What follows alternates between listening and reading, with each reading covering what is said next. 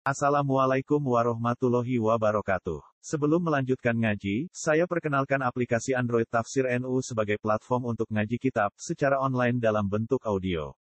Tafsir NU berisi berbagai kajian kitab kuning dari berbagai ulama NU. Silahkan download aplikasi Tafsir NU di Google Play Store. Link download ada di deskripsi. Wassalamualaikum warahmatullahi wabarakatuh. Bismillahirrahmanirrahim. محمد سيد الكونين والثقلين والفريقين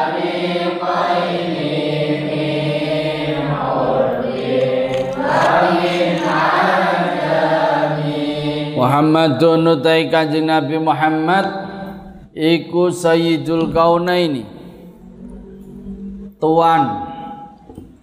Dua. Tuan dua. Keadaan. Maksudnya dunia dan akhirat. Dua dunia.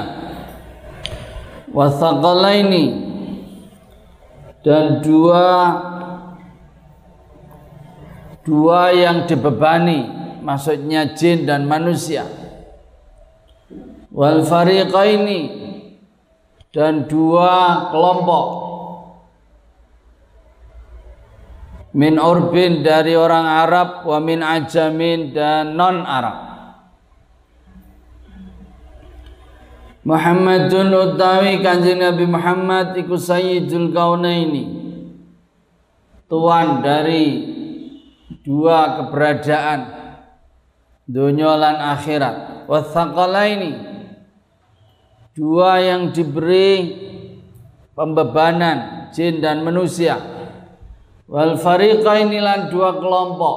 Maksudnya min urbin saking wong Arab wa min ajamin lan saking non Arab Sara-sara penyair mulai menyebut orang yang begitu dikaguminya dengan memberinya nama menyebut nama Muhammadun yang dimaksud dari semua yang sudah disampaikan beliau adalah kanjeng Nabi Muhammad sallallahu alaihi wasallam. Dan kanjeng Nabi di sini dinyatakan dengan Sayyid Sayyidul Kaunain. Sayyid itu artinya tuan artinya tokoh Artinya orang jadi panutan, orang yang menjadi rujukan tempat masyarakat datang ke situ, masyarakat bertanya, masyarakat ya panutan lah. Ini namanya Sayyid. Disebutkan di sini Kanjeng Nabi Muhammad Sayyidul Kaunain. Keberadaannya menjadi tokoh pemimpin baik di dunia maupun di akhirat. Jadi kanjeng Nabi Muhammad Sallallahu Alaihi Wasallam adalah tokoh di dunia. Sebab beliau adalah Nabi terakhir. Kalau dijadikan terakhir berarti sesuatu yang tidak ada lagi. Berarti harus sesuatu harus orang yang memang betul-betul mantap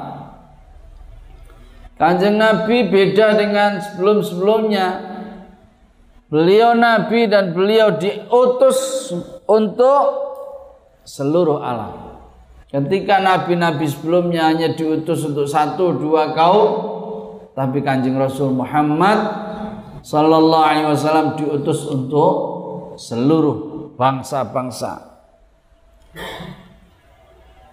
Beliau juga beda dengan nabi-nabi yang lain. Sebab beliau mi'raj sowan kepada kehadirat Allah Ta'ala. Masya Allah. Bahkan dinyatakan Qabi Qausain dekat sekali dengan beliau dengan Allah. Ya beliau dengan Allah dekat sekali. Apa yang menjadi tinggalan beliau menjadi terhormat semuanya masjid beliau masjid paling mulia tanah Tanah air beliau, tanah air yang paling hebat, paling terhormat, paling mulia.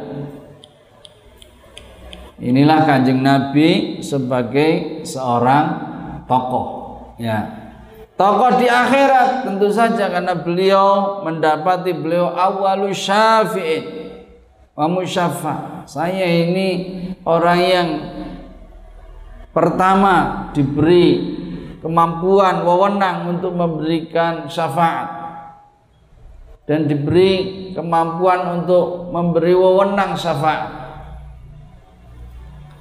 Ini kanjeng Rasul Muhammad Sallallahu Alaihi Wasallam. Di akhirat ketika semua orang pada bingung mencari pertolongan kepada siapa mereka rujuknya kepada kanjeng Nabi Muhammad Sallallahu Alaihi Wasallam inilah beliau disebut Sayyidul Kaunain Wathaqalain Nabi diutus bukan hanya untuk manusia, tetapi juga untuk kaum jin.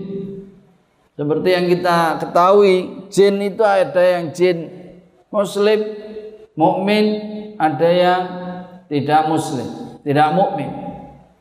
Nah, mereka yang muslim ini juga adalah umatnya Kanjeng Nabi Muhammad sallallahu alaihi wasallam. Hadis-hadis banyak menjelaskan seperti itu ya tentang ketaatan jin ya meskipun bagaimana kemudian syariat jin terkait dengan uh, kanjeng Nabi wallah ya.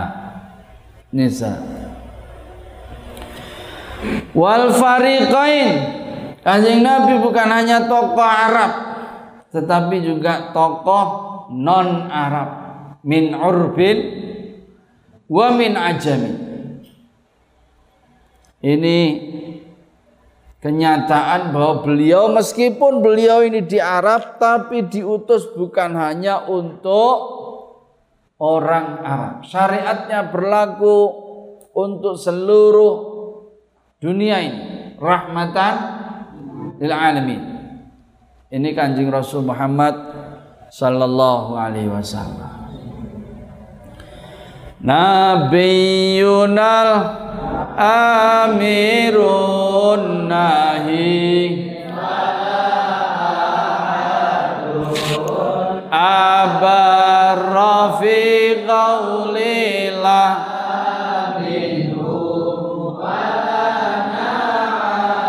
Nabi Yuna utai Nabi kita maksudnya kanjeng Nabi Muhammad iku al amiru Nabi sing merintahke maring sing apik.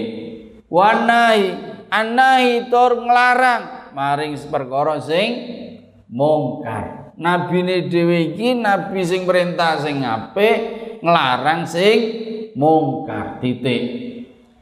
Fala ahadun mongko ora ana siapapun abar kang luwe. Bener. Luwe apik. Fi qaulillah ing dalam ucapane ora minhu timbangane nabi wala na'am lan ora ucapan iya. Tidak ada siapa pun yang lebih baik dalam ucapannya jangan atau tidak dan ucapannya iya boleh ya Nabi kita Nabi Muhammad senantiasa mengajak kepada kebaikan dan mencegah kemungkaran. Maka tiada siapa pun yang lebih benar ucapan ya dan tidak selain selain beliau. Kalau tadi itu hanya menyebutkan nama beliau dan beliau sebagai tokoh, maka pada bait ini beliau ditempatkan kedudukannya. Hebatnya apa kanjeng Nabi itu? Nabi Yuna. Hebatnya apa Muhammad? Muhammad adalah Nabi kita. Hmm. Jadi Nabi yang bagaimana? Nabi yang amiru. Nabi yang memberi perintah An-Nahi. Perintahnya mesti sesuatu yang baik. Anahi melarang mesti sesuatu yang mungkar yang buruk Kenapa segala sesuatu yang sumbernya Nabi mesti apa? Sebab sumbernya itu bukan dari sisi kemanusiaan Nabi, tetapi yang datang dari Nabi adalah merupakan wahyu Allah, bukan semata-mata, bukan kehendak, bukan maunya Nabi, tetapi ini adalah dawuhnya Allah. Quran ngendikan a'udzubillahi minasyaitonirrajim wa ma yantiqu 'anil hawa in huwa illa wahyun yuha. Jadi apa yang dikatakan bukan berdasarkan like and dislike, bukan berdasarkan maunya Nabi bukan. Tapi berdasarkan wahyu. Jadi dasari Gusti Allah. Ini sah. Oleh karena dasar Gusti Allah ya, maka apa pun yang diaturkan pasti benar, pasti baik, pasti indah. Apa pun yang dilarang itu pasti sesuatu yang salah, yang buruk atau yang jelek. Ini ini yang dimaksud Nabi Yunal Amiru An-Nahi. Ya, segala yang diucapkannya itu adalah bersumber dari wahyu alias bersumber dari Allah. Di sinilah kita punya kewajiban iman kepada kanjeng Rasul Muhammad Sallallahu Alaihi Wasallam. Sebab kalau kita iman sama Allah tapi tidak iman sama Rasulullah, iman kita tidak dianggap. Oleh karena itu kesaksian kita namanya syahadatain. Nyeksaini nek Gusti Allah kuwi Gusti Allah lan ora ana liyane sak liyane Gusti Allah. Nomor loro bahwa Muhammad orang yang disebut Muhammad inilah utusan Allah. Ini kesaksian kalau cuma satu tok tidak boleh harus dua. Oleh karena itu disebut syahadatain. Dasarnya apa? Dasarnya mayyuti mayyuti'ir rasula faqad ata Allah. Ya ayyuhalladzina amanu Allah wa ati'ur rasula wa ulil amri minkum. Taate padha kedudukane antara taatmu ning Gusti Allah ning taatmu ning Kanjeng Rasul. Padha Bahkan syarat Anda mencintai Allah haruslah mencintai Rasulullah. Qul in kuntum tuhibbunallaha fattabi'uni. Harus ikuti aku, harus senang sama aku, hormat sama aku, taat sama aku. Ini syarat. Fala ahadun abarra fi qaulillah minhu na'am oleh karena yang disampaikan oleh kanjeng Rasul itu dasare nahu, dasare wahyu ya. Maka segala pemberitaan dari Nabi pasti benar, mutlak. Kebenarannya mutlak, tidak boleh disangkal. Disangkal oh kafir. Ya, tidak percaya kafir saudara. Ya. Ini keharusan kita iman kepada Kanjeng Rasul Muhammad sallallahu alaihi wasallam. Baik itu rupane janji, rupane ancaman, rupane pemberitaan.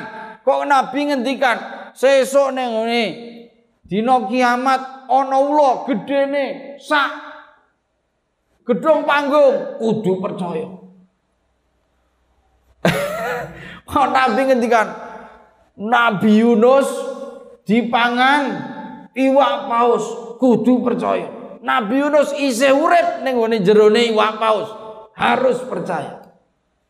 Atau umpamane umpama Kanjeng Nabi ngendikan iwak paus dipangan Nabi Yunus kudu percaya. Lo iya sih. Harus percaya. Nabi ngendikan, "Oh nek kue gelem ngene, nek kue gelem ya toh, ngene kamu akan mendapatkan harus percaya." Nggih. Nek Nabi ngendikan, "La khulufu famis shaim atyabu min rihli." Ambune apa? Ambune bau mulutnya orang yang puasa lebih ha? Lebih wangi daripada minyak misik. Kudu percaya. Nah ini sir ini karena dasarnya adalah iman nih Gusti nih. Jadi apa pun pemberitahuan kanjeng Nabi, janji, ancaman, semuanya harus harus kita percaya. Tetapi tentu saja beda dengan pemberitahuan Quran. Kalau Quran itu namanya dasarnya semuanya mutawatir, kalau Nabi pemberitaannya itu itu ada yang sahih, ada yang hasan, ada yang mutawatir, ada yang daif, berarti mardud ya. Ini dilihat bukan dari segi esensi penghentikannya, tetapi dari segi pemberitahuannya, pemberitaannya, bukan beritanya, tapi pemberitaannya. Beda nggak? Beda. Ya, karena orang yang membawa berita itu wartawan itu begini, maka hadisnya namanya begini. Kalau hadisnya begini, Anda boleh ya, boleh terima, boleh tidak. Ya. Ini beda urusannya. Tetapi yang paling pentingnya adalah apa yang disampaikan oleh Nabi dan itu mempunyai kualitas pemberitaan harus dipercaya. Harus diterima. Nisa. Tidak boleh tidak abarra minhu abarra fi qaulila minhu walana tidak ada yang lebih benar daripada kanjeng Nabi pemberitahuan siapa ada quote kata mutiara siapa saja maka kata mutiara kanjeng Nabi lebih hebat bahkan kalau ada orang ngomong, orang memerintahkan kok bertentangan dengan perintah kanjeng Nabi harus ditolak. Harus tidak sepakat. Ini sah. Ini kalau kita menyatakan syahadat kita, iman kita kepada kanjeng Rasul Muhammad Sallallahu Alaihi Wasallam. Ini konsekuensi. Jadi ketika kanjeng Nabi bilang A kok ini orang B, bilang B dan B ini bertentangan dengan A, maka Anda harus memilih di situ. Ya. Ini konsekuensi-konsekuensi keyakinan kita bahwa Nabi abar fi qaulillah alana. Nisa. Terus huwal habibul ladzi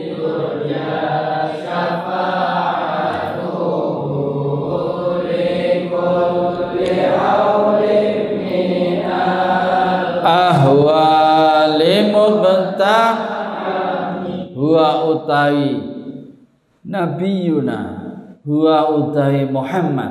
Iku al habibu kekasih Gusti Allah alladzi turja yang diharapkan apa syafaatuhu pitulungane Habib pitulungane alladzi likulli haulin maring saben-saben bencana minal ahwali dari berbagai bencana muktahimin yang mencekam yang dahsyat yang medeni wong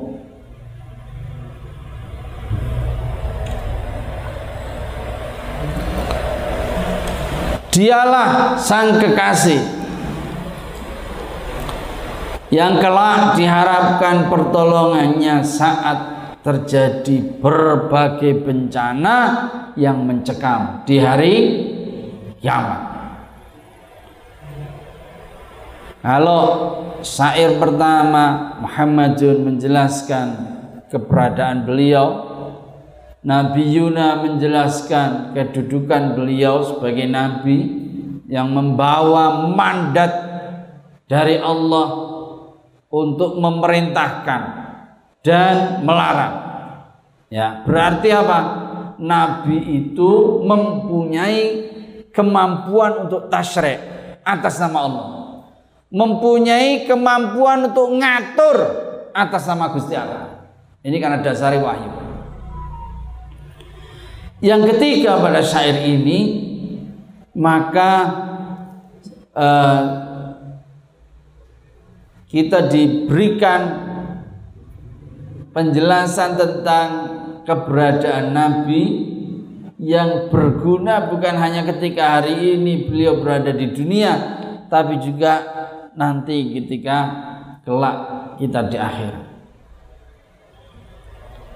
Penyair menyebutnya dengan Al-Habib. Huwa Al-Habib. Kanjeng Nabi adalah sang kekasih. Tahu Anda kekasih saudara-saudara? Tahu kekasih? Nah, berarti apa?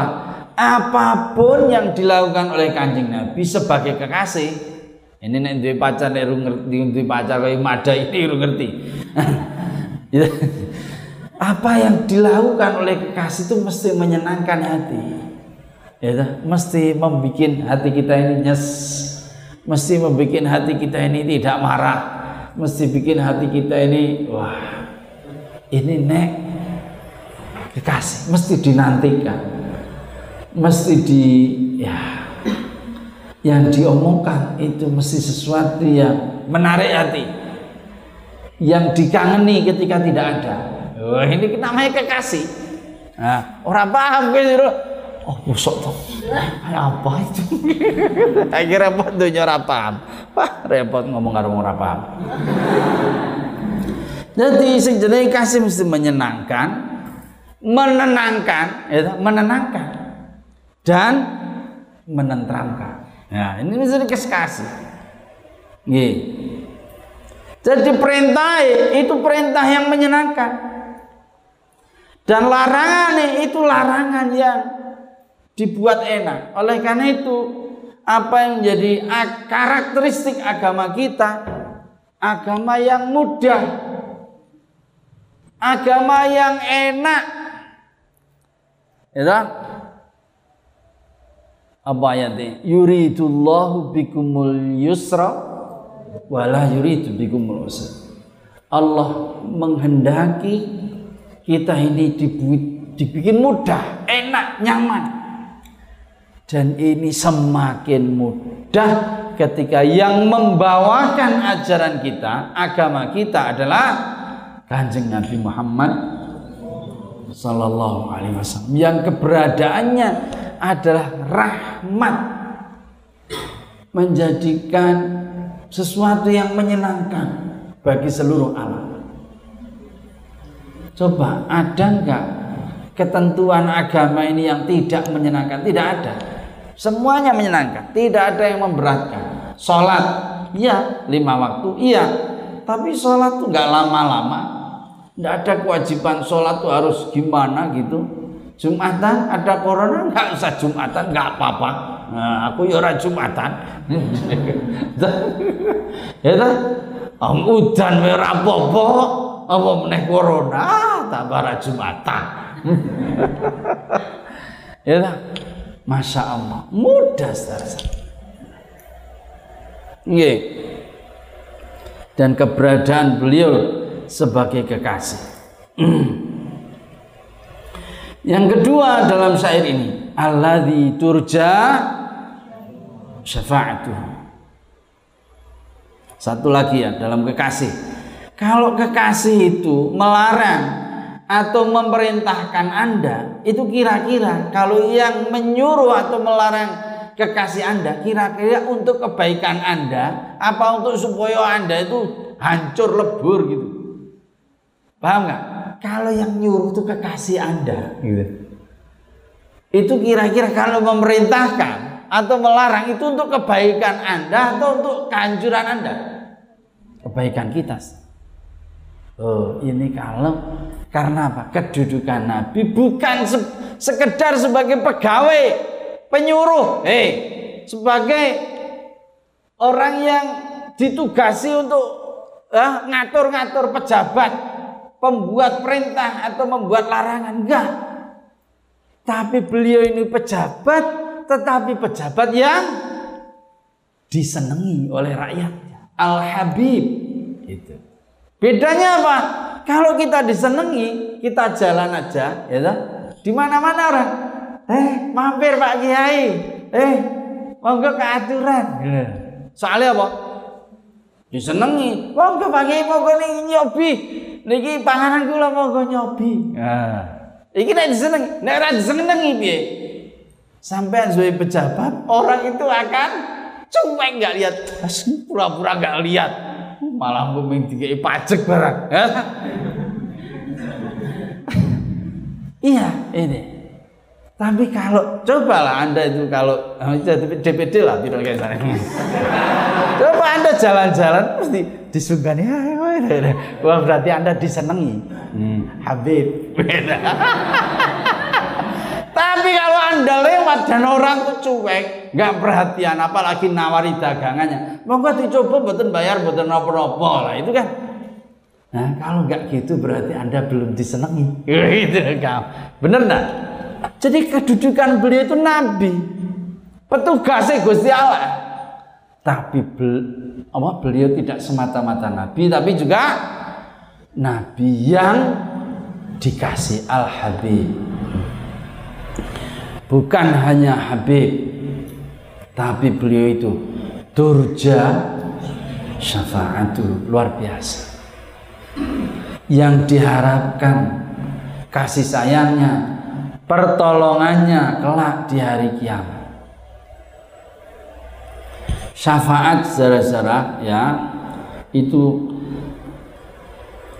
kemampuan ya yang diberikan Allah kepada kanjeng Nabi ya uh, untuk memberikan pertolongan kepada siapa yang beliau kehendaki. Tentu saja syafaat ini bukan hanya kepada kanjeng Nabi, tetapi kepada orang-orang yang Allah kehendaki untuk diberi syafaat. Mamane anak sing apal Quran iso nyafaati wong tuane, iso nyafaati bojone, nah, iso nyafaati. Nah, ya toh? Ini syafaat. Kiai sing sayang nih ngene umat iso nyafaati umat ini syafaat. Tetapi hebatnya kanjeng Rasul Muhammad SAW syafaatnya namanya syafaatul uzma. Syafaat yang terbesar. Kenapa? Karena yang beliau berikan bukan hanya otok-otok tapi syafaat sing serius Loh, ini serius sih. Syafaat serius. Gitu. Syafaatnya gimana? Jadi diterangkan di sini likulli haulin minal ahwali muktahimin. Muktahimin boleh sebagai isim maf, isim fa'il atau Anda baca muktahamin yang ditambahi beratnya. Kalau muktahimin yang berat, yang rekoso, yang bikin susah, muktahamin yang digawe susah ditambahi susah ya. Keberadaan hari kiamat itu prosesi-prosesinya pakai tahapan saudara ada tahapan pertama hari kebangkitan. Nah, dibangunkan dulu. Dibangunkan terus digiring ke masar. Digiring enak aja nggak kayak demo. Bareng-bareng enak aja. Itu campur karo kebo, campur karo tikus, karo kolo jengking. Eh kalau jengkingnya kebunnya bukan begitu, kebunnya gede nih sak komplek N. Gitu. Loh iya. Jangan dikira enak-enak di situ. Haul. Sesuatu yang bencana. Sesuatu yang tidak menyenangkan.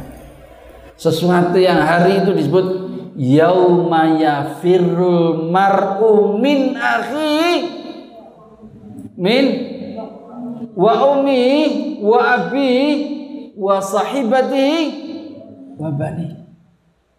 Orang itu saking sumpeke nek ndelok bapakne, ibune, anake, bojone, kancane.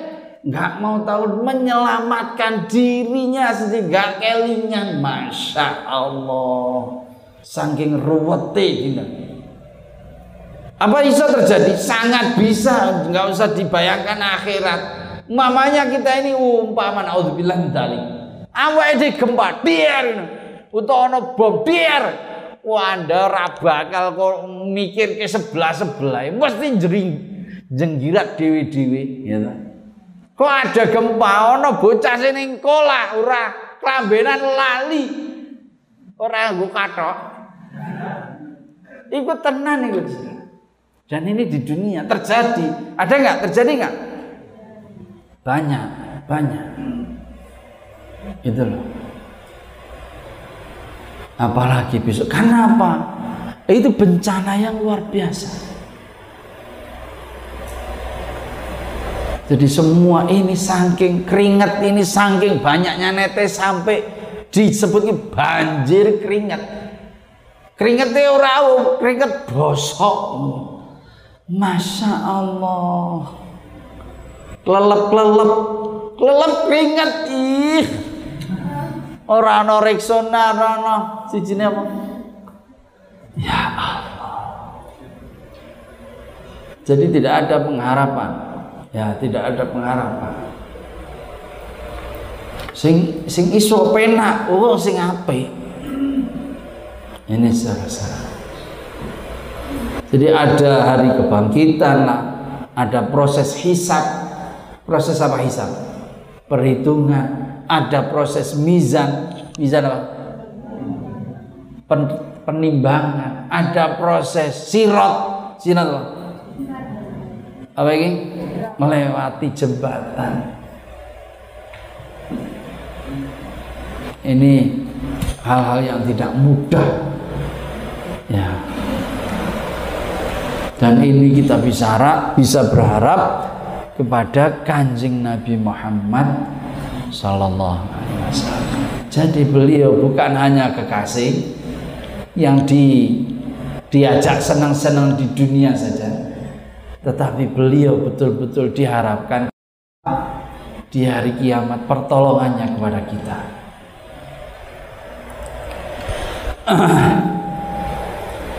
Syafaatnya, syafaat uzmanya bisa berupa ya dalam keadaan di masyar yang seperti itu kita diselamatkan ya diberikan tempat yang layak makaman mahmuda tempat yang terhormat semuanya kelelep anda ada di bukit ya dikipasi bidadari bidodoro hmm. luar biasa sah. atau ketika anda mesti mlebu rokok, ya Tapi krono entuk syafaati Kanjeng Rasul Anda dintaske dilebokke ning swarga. Jenenge syafaat. Syafaat dari kata asyafu. Syafu apa? Penggenap. Ya betul. Jadi umpamane tiket ning swarga kuwi 10.000, ente amal iku ming 6.000. Kurang piro? Kurang patang ewu berarti neng neraka patang ewu tahun sampean. Utawa patang ewu juta tahun ya untuk bisa ke surga. Lah ente itu yang patang ewu mau digenepi kanjeng Rasul Muhammad Sallallahu Alaihi jenenge apa? Syafa. Asyafu penggenap. Iki maksudnya tapi orang orang harus digenepi nek orang duwe sangu. Nek orang duwe iman, ya orang duwe sangu. Sangu sekonti ora iman. Dadi sing duwe sangu mestine sing duwe iman. Iya. Arep digenepi apa ora duwe wong men? Oh, men digenepi jenenge nglunasi, nebus jenenge. Iya. Demikian juga mengeluarkan dari neraka. Demikian juga menaikkan derajat. Mesti ini sampean ki ya sampean tingkatan iki kampung itu. level ning swarga level loro. ya swargane troco-troco.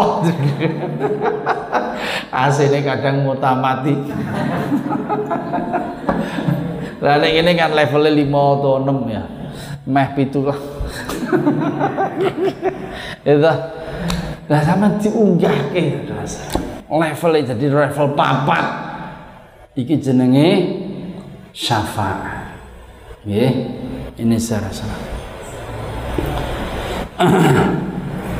Oleh karena itu, eh, mari kita upayakan mendapatkan sebanyak-banyaknya upaya untuk bisa mendapatkan syafaat Kanjeng Rasul Muhammad sallallahu alaihi wasallam. Paling gampangnya bi, paling gampangnya nih ono solawatan ya melu solawat. Odo solawatan ojo malah nesu, con malah ya iki berbeki. Nah, berbeki kuwi nek sing solawate ora urus. Allahumma sholli ala Muhammad Ya Allah, itu syafaat sekondiri dijejeli sepatu wae syafaat. Oh, njaluk syafaat koyo ngono piye?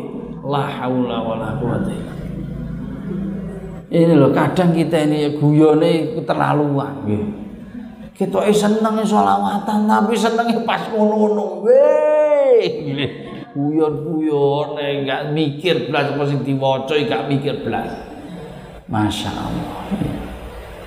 Di antara lagi supaya kita dapat syafaat ya nek diwaca adzan sampean bar adzan kuwi sampean maca dungane adzan. Allahumma rabb hadhihi da'wati wassalatil qa'imah dan seterusnya. Ini halat lahu syafaat yaumil qiyamah. Nabi ngendikan dewi sing jawab adzan dekne untuk syafaatku besok di hari kiamat.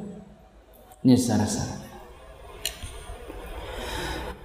Semoga dengan kita belajar burtah, belajar tentang pujian-pujian Nabi, maka kita terhitung menjadi umat beliau yang disayang oleh kanjeng Nabi, yang semoga mendapatkan syafaatnya kanjeng Nabi Muhammad sallallahu alaihi wasallam. Amin ya rabbal alamin. Da'a ila fal mustamsikuna bihablin da'a ngajak sapa Kanjeng Nabi ilallahi maring Gusti Allah. Maksudnya bi maring agamane Gusti Allah. Kanjeng Nabi tugasnya apa? Tugasnya ngajak maring agamane Gusti Allah ngajak maring supaya awake dhewe entuk ridane Gusti Allah. Titik fal mustamsikuna mongko utahi wong sing wong-wong sing berpegangan. Bihi kelawan. Kanjeng Nabi ku mustamsikuna berpegangan bihablin kelawan tali ghairi munfasimin sing ora putul putul apa? Putus. Tugasnya Nabi apa? Dakwah. Dakwah. Ngajak sapa Nabi ilallah maring agamane Gusti Allah syariate Gusti Allah. Titik fal mustamsikuna utawa utai wong sing gelem cecekelan diiklan Kanjeng Rasul iku mustamsikuna. Padha wae cecekelan bihablin kelawan tali ghairi munfasimin yang tidak putus. Nabi Muhammad mengajak kepada agama Allah. Siapa pun yang berpegang teguh pada agama Allah maka laksana berpegang erat pada tali yang tidak putus. Bait ini ngajak. Apa intine Kanjeng Nabi? Intine Kanjeng Nabi dakwah. Dalam keadaan Nabi sebagai kepala keluarga, dalam keadaan Nabi sebagai seorang sahabat, dalam keadaan Nabi sebagai pemimpin pemerintah, dalam keadaan Nabi sebagai pemimpin pasukan, dalam keadaan Nabi sebagai pemimpin rombongan umroh dalam keadaan Nabi apa saja inti nek kanjeng Nabi itu adalah agama nih Gusti Allah. Ini sah. Ini kok tahu? Ya karena ayatnya ud'u ila sabili rabbika bil hikmati wal mau'izatil hasanati wajadilhu billati ahsan. Nabi didhawuhi ud'u tugasmu apa? Ajak. Ngajak sira ila sabili rabbika kepada dalane Gusti Allah pangeran. Apa dalane pangeran ki apa? Dalane pangeran tiada lain adalah agamane Gusti Allah. Sebab inna dina indallahi Islam agama pranata lembaga itu sistem yang benar munggu Gusti Allah itu adalah sistem Islam. Pranata Islam aturan Islam aturan sing ngajak ning Gusti Allah sing ngajak ridane Gusti Allah kok tahu itu Islam Sebab Islam gaweane Gusti Allah lan tujuan Islam hanyalah untuk mendapatkan ridhonya Allah. Jadi mengapa Islam? Karena Islam asale muasale itu adalah gaweane Gusti Allah. What on ilahiyun. Cetakane Gusti Allah. Iki asale. Lah tujuannya Islam tidak lain mardotillah mendapatkan ridho nih Gusti Allah. Awal berislam itu hanya itu, tidak ada yang lain. Oleh karena itu kita berdoa raditu billahi wa bil islami wa bi Muhammadin nabiyan wa rasulah. Ridho aku seneng banget duwe Gusti Allah. Gusti Allah kuwi aku senenge pol. Gusti Allahku Gusti Allah. Lan aku senenge pol duwe kitab pedoman yaiku pedoman Quran. Aku senenge pol duwe agama. Aku ridho apa wae sing diatur oleh agama ini. Sebab iki dasare Gusti Allah. Aku ridho lilo senenge pol duwe nabi jenenge Nabi Muhammad. Halat ya. Orang yang begitu itu mendapatkan halawatul iman mendapatkan manisnya iman. Bisa jadi apa pun yang didakwahkan oleh kanjeng Nabi itu adalah tiada lain adalah Islam. Oleh karena itu apa pun Nabi ya sare Nabi olahraga Nabi poso Nabi bergaul dengan istrinya, Nabi bertetangga, Nabi berteman. Semuanya untuk ya, memberikan gambaran. Iki lho sing jenenge personifikasi kudune wong piye? Itu ada pada sosok Kanjeng Nabi Muhammad sallallahu alaihi wasallam. Yang kedua, saudara, yang bisa kita ambil dari syair ini. Fal mustamsiku nabihi mustamsiku nabi hablin ghairi munfasimin.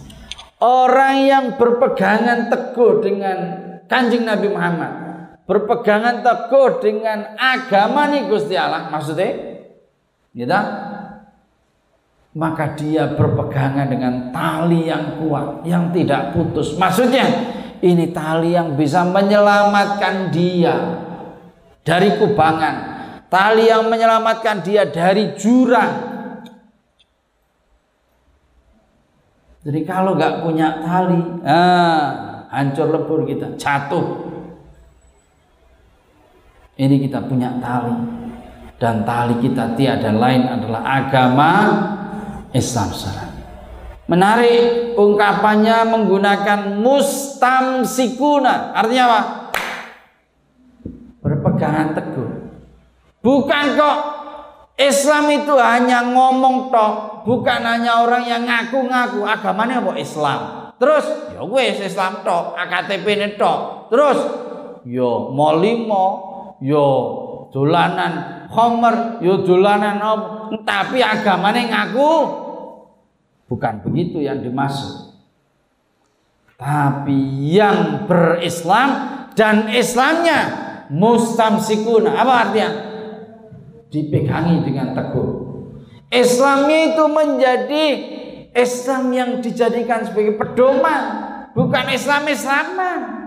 Oleh karena itu menggunakan kata mustamsikun. Yang berpegangan itu erat, kuat.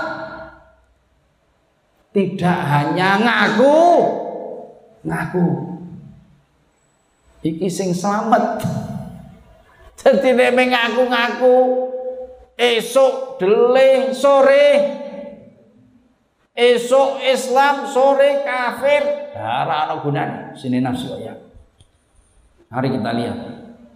Jadi yang selamat menurut syair ini adalah yang Islamnya itu Islam tenangan.